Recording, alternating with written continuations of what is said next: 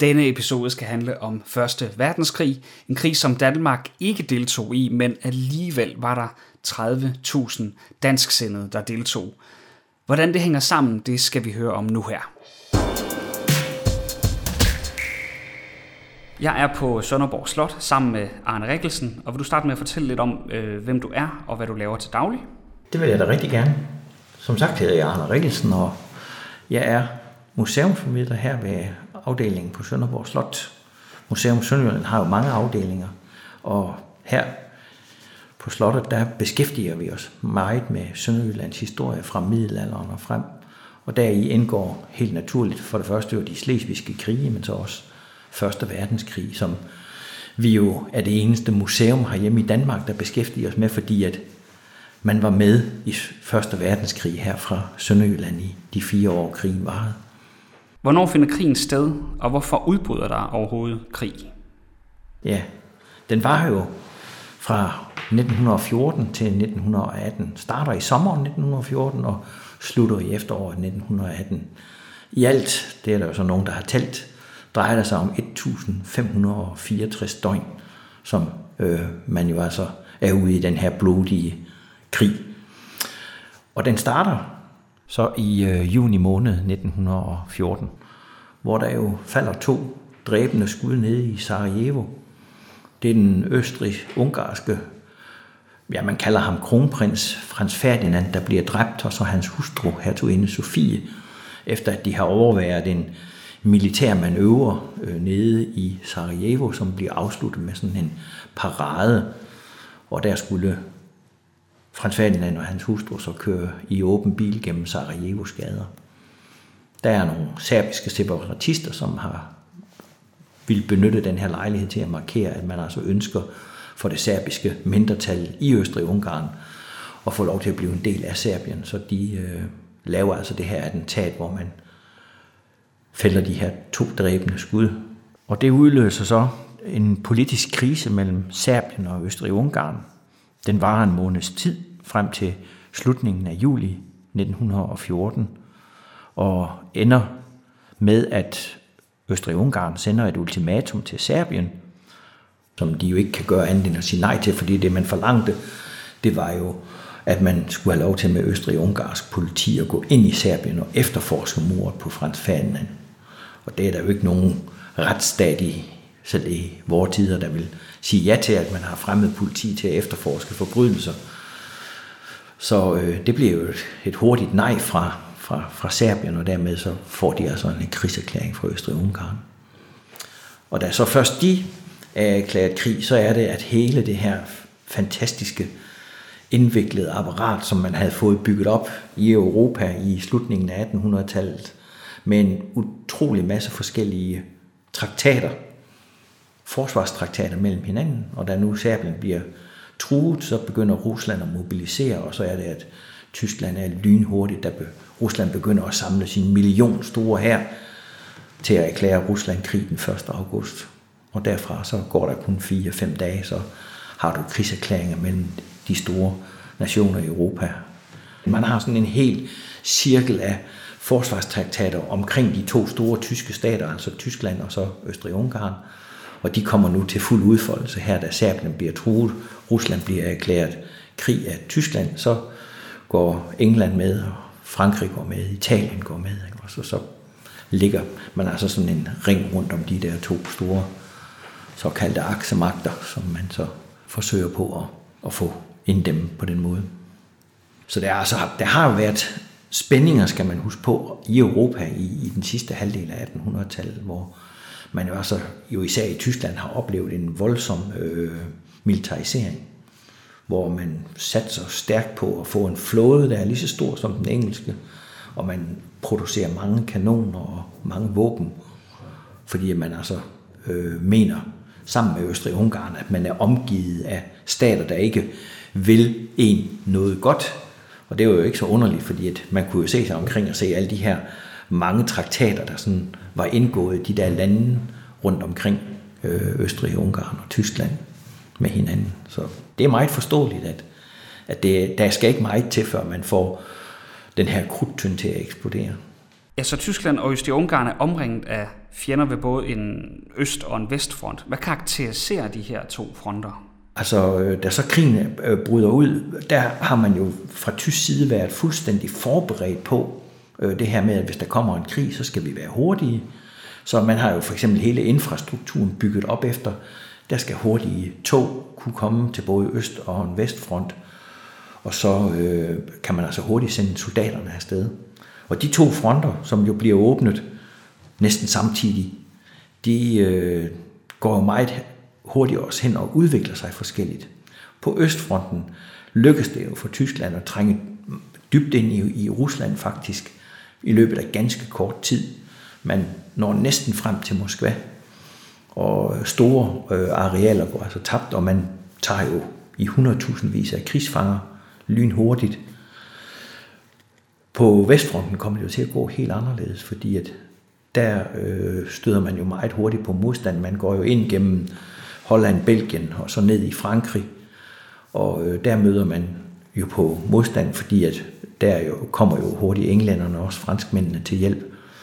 Så der rykker man ikke så, så hurtigt frem, og det ender jo med i løbet af efteråret 1914, at man øh, får en stillingskrig. Det vil sige, at man graver sig simpelthen ned ude ved fronten i skyttegrave, eller for franskmændenes vedkommende havde man jo direkte en forsvarsværk liggende i området, som man kunne ty til, men ellers så bliver det simpelthen, at man ligger med en, en, det man kalder ingenmandsland imellem sig, og så har man altså på den ene side tyskerne, og så på den anden side franskmænd englænderne.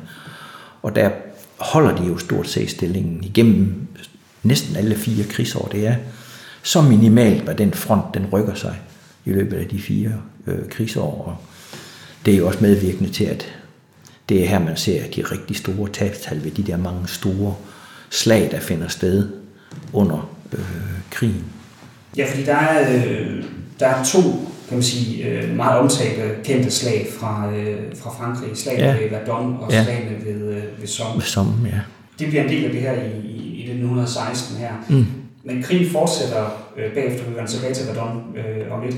Men krigen bliver jo afsluttet i løbet af, af 1918. Hvordan, øh, altså efter at den stillstand, kan man sige, mm. hvordan, øh, hvordan forløber det så frem mod krigens slutning? Under den her krig, og netop Verdun og Somme, det er jo en, en del af de der store offensiver, man havde, hvor man altså som soldat var i alarmberedskab i mange måneder i træk, og nogle af dem jo varede jo helt op til et år. Og så sætter man de her gentagende slag ind, eller øh, man angreb ind i forsøg på netop at komme over i øh, modpartens del. Og det øh, koster jo en forfærdelig masse soldater livet. Så i slutningen, eller hen igennem 1918, der vokser øh, krigsleden, især blandt soldaterne. Og i 1917, i slutningen af året også, er det jo sket det, at USA er gået ind i krigen. Blandt andet fordi, at øh, Tyskland jo erklærer den uindskrænkede ubådskrig, og dermed så øh, drages altså ty- øh, amerikanerne med ind i den øh, for at hjælpe englænderne og franskmændene. Altså fordi, fordi amerikanerne var, var klar over, at det måske kunne gå ud over dem ja. på længere sigt. Ja, og altså, at man ikke kunne øh, færdes på havet uden, øh, hvad skal man sige, frygt for, for de skib, man havde ude og sejle. Ikke? Også, så, så man går ind og, og, og hjælper der. Så især i den tyske her begynder den her øh, krigsleder at, at, at optræde, hvor man altså oplever, at øh, soldater de øh, nægter, soldater flygter. Og man har jo i hvert fald i forhold til dansksindede krigsdeltagere, øh, et tal på omkring 2500 øh, folk, som simpelthen stikker af, ikke også, og som ikke vil tilbage til fronten. Og, og øh, det bliver jo et, et voksende problem også med, at, at soldaterne mere og mere nægter at adlyde de ordre, de får. Så derfor så er det, at man begynder i efteråret 1918 at se fra den tyske regerings side, at det her det holder ikke. Man sætter en sidste stor offensiv ind i starter i september, og den falder fuldstændig fra hinanden. Og øh, derfor så er det, at man i regeringen siger, at nu skal vi prøve at se, om vi kan få en våbenhvile i stand.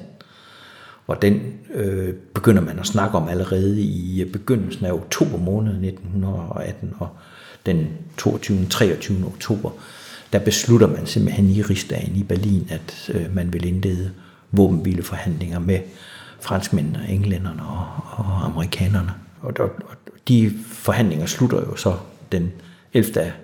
november kl. 5 om morgenen i en togvogn i en skov ude nord øst for Paris, og med, der underskriver man så så de betingelser, der var for, at man kunne få en våbenhvile, og det bliver nogle meget hårde betingelser for Tyskland, som forsøgte på at få nogle af deres ønsker øh, med ind i, i aftalen, men det, det lod sig ikke gøre. Så de må altså underskrive den her ensidige våbenhvileaftale, som så træder i kraft den 11. november kl. 11 om formiddagen.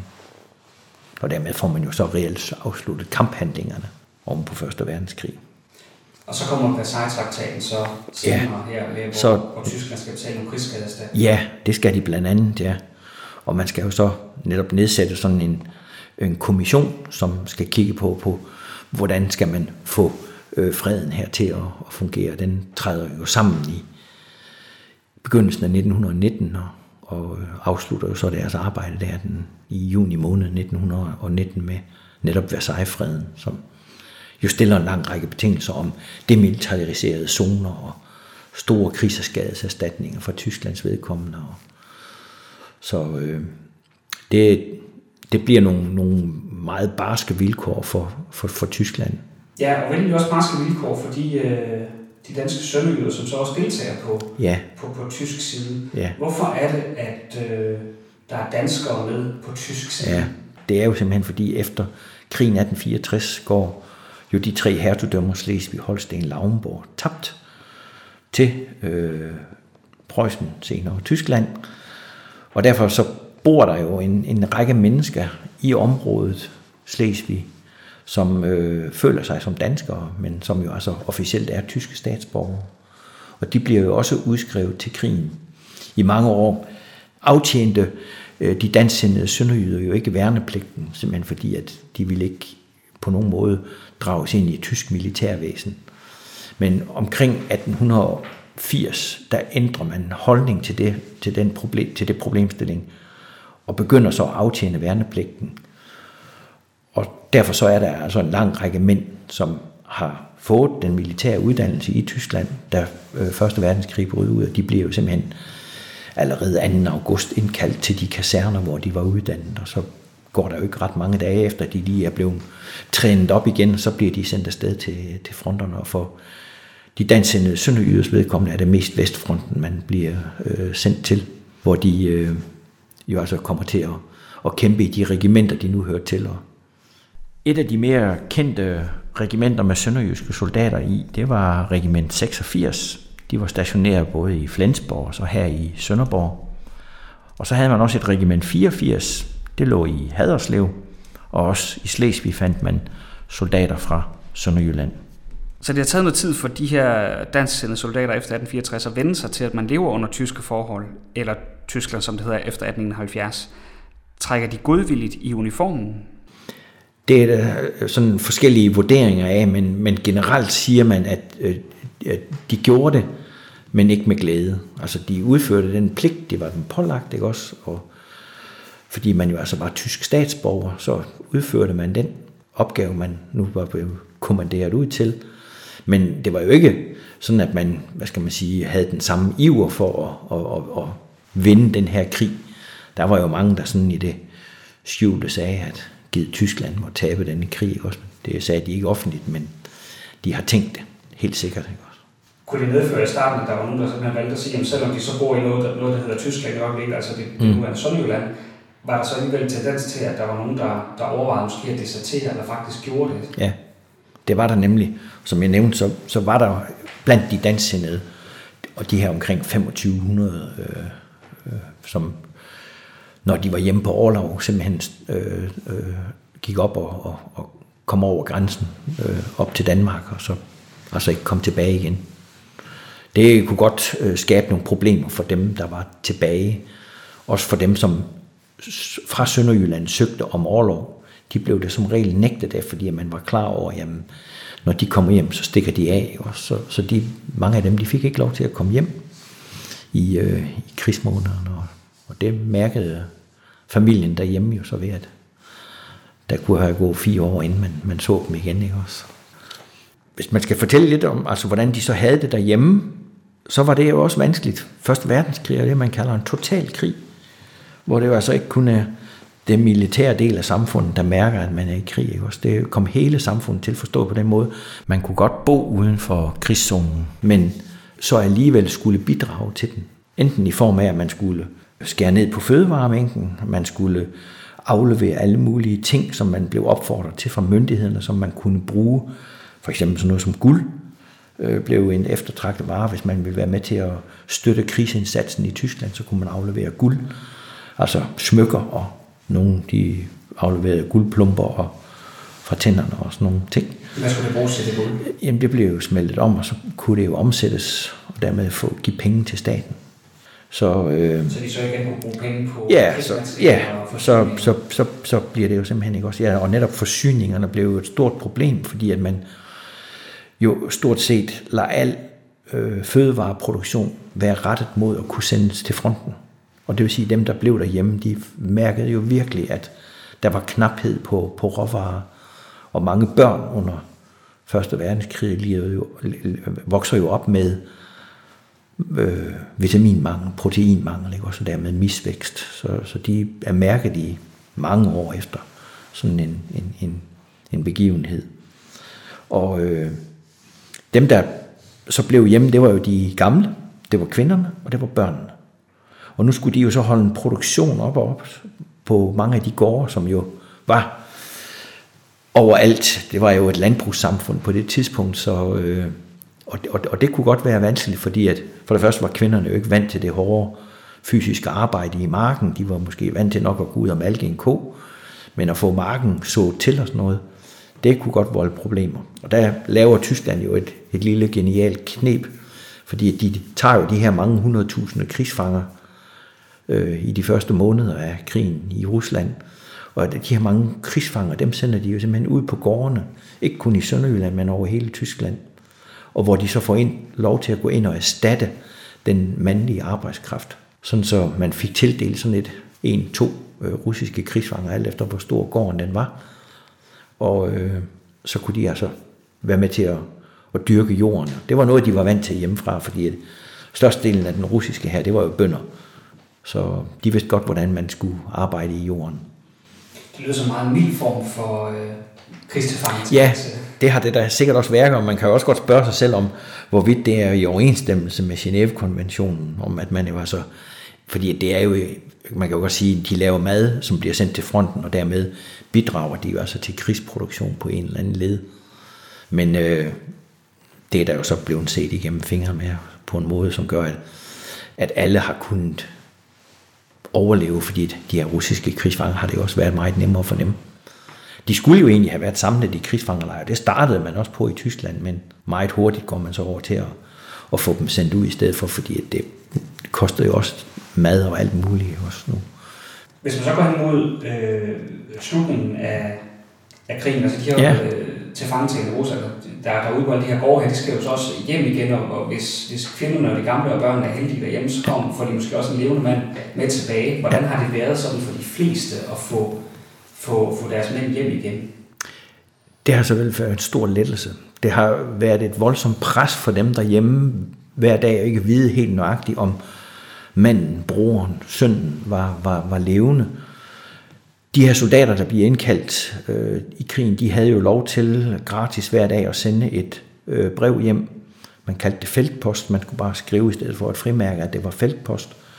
Så blev det ekspederet, og så kunne man på den måde holde kontakt med hinanden.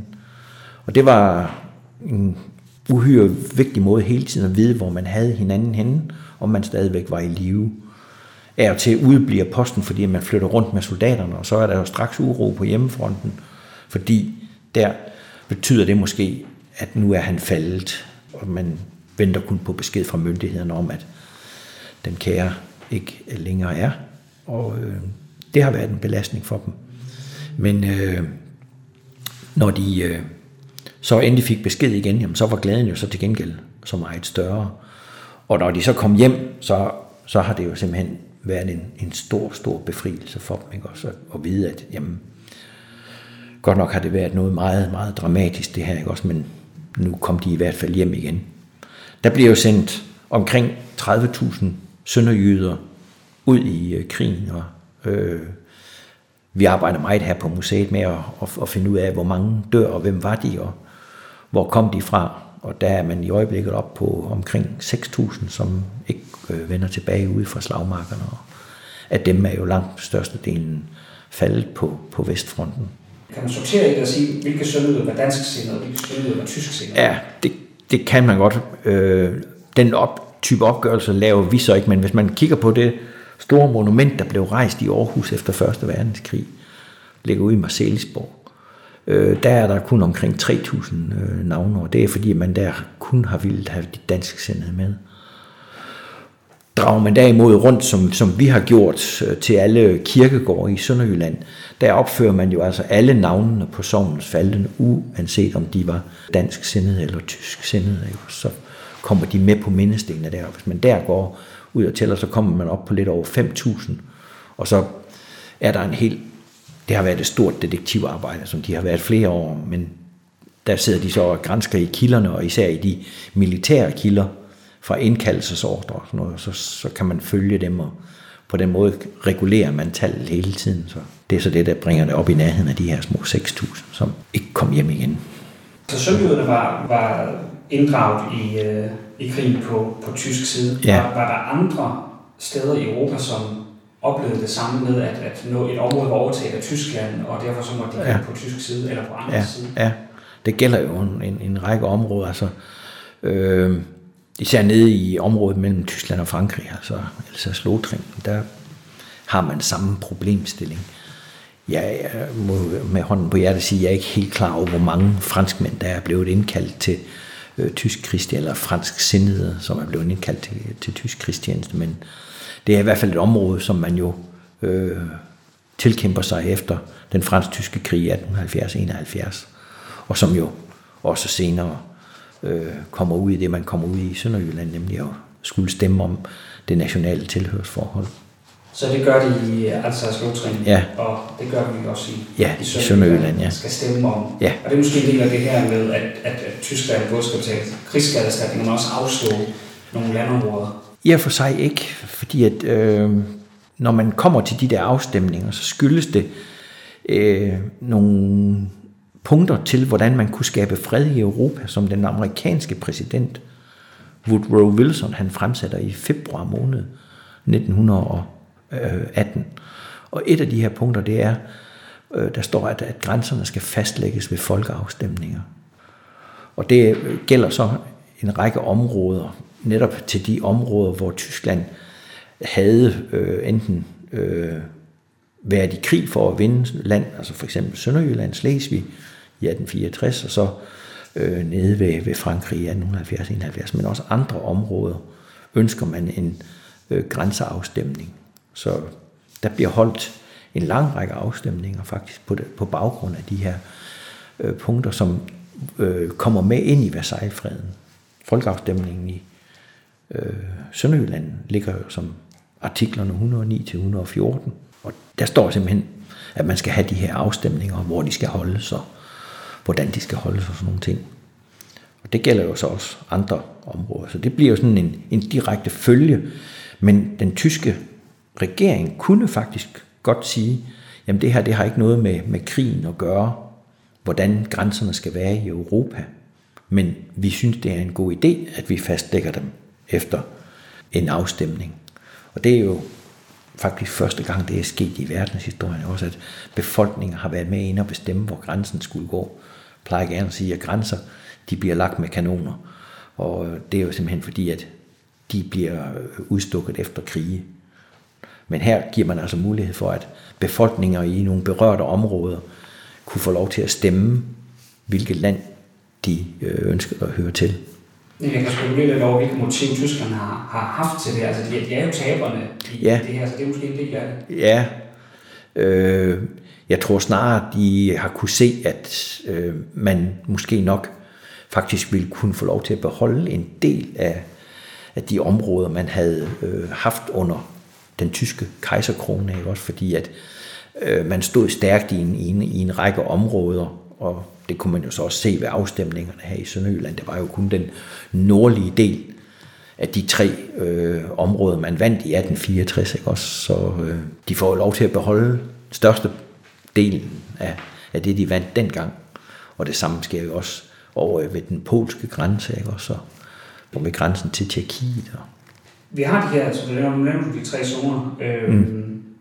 Vi har zone 1, zone 2 og zone 3, og zone 1 det er den nordlige, og så zone ja. 2 og zone det, det er den måde, man inddeler afstemningen i, og man finder meget hurtigt ud af, at der kommer ikke nogen afstemning i zone 3. Det var til stor bitterhed for, for mange øh, danssindede politikere og, og folk, som mente, at man skulle have hele øh, Sønderjylland tilbage, altså hele Slesvig tilbage.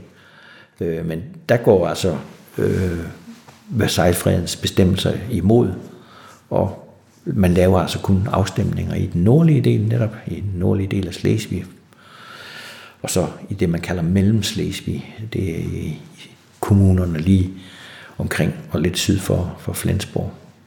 Så vores nuværende grænse, det kommer til at ligge mellem zone 1 og zone 2? Ja, hvor... ja, og det diskuterer man jo meget, meget indet og, og spittert om, hvor skulle grænsen gå mellem de to zoner. De bliver til dels øh, lagt på baggrund af en undersøgelse, som en dansk historie, H.V. Clausen, havde foretaget i slutningen af 1800-tallet, omkring 1890, hvor han undersøgte, hvordan det forholdt sig med sprogforholdene tværs hen over Sønderjylland.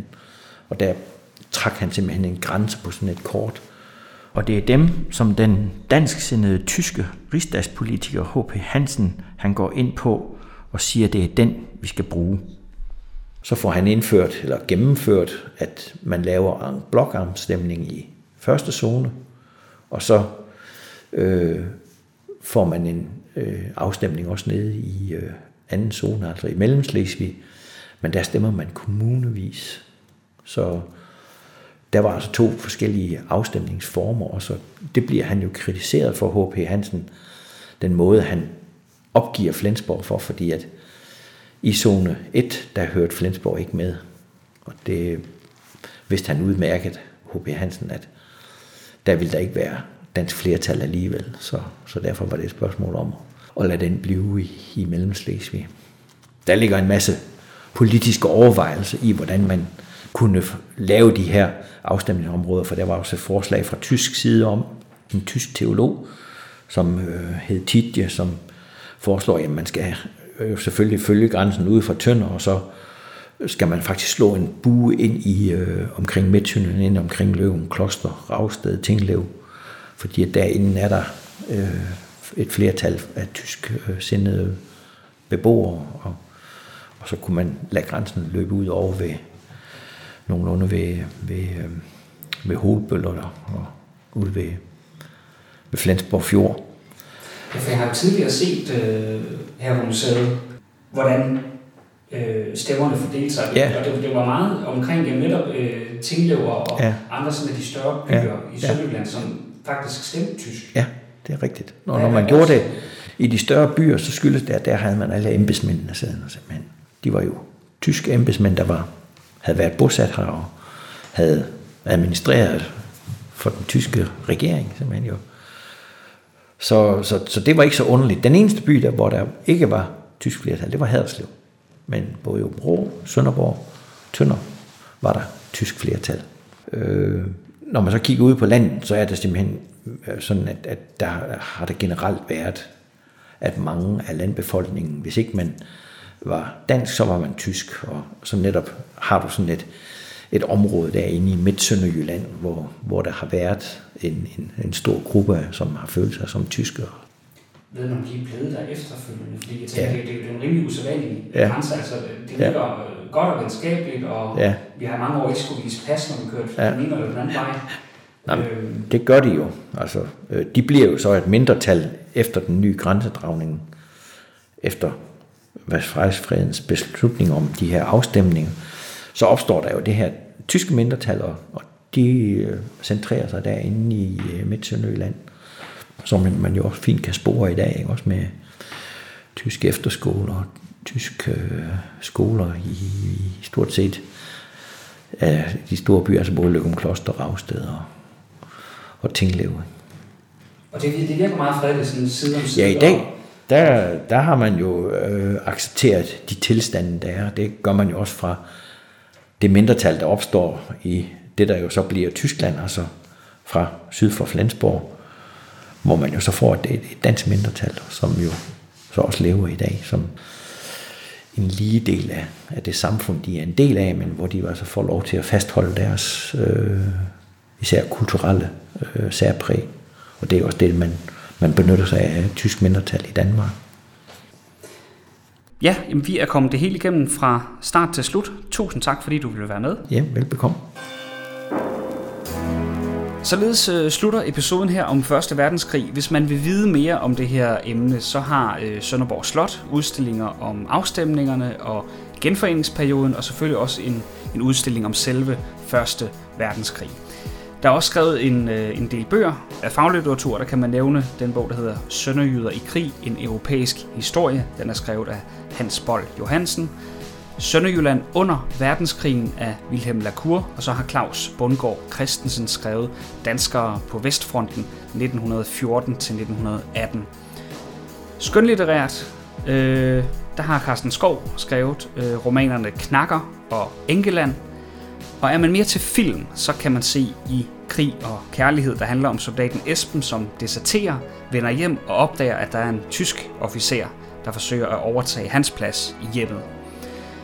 På Facebook der kan man finde siden Sønderjyderne og den store krig 1914-1918, og trykker man på den blå køb nu-knap, så kommer man ind på deres hjemmeside, hvor der både er tidslinjer, lister over sønderjyske desertører og meget andet.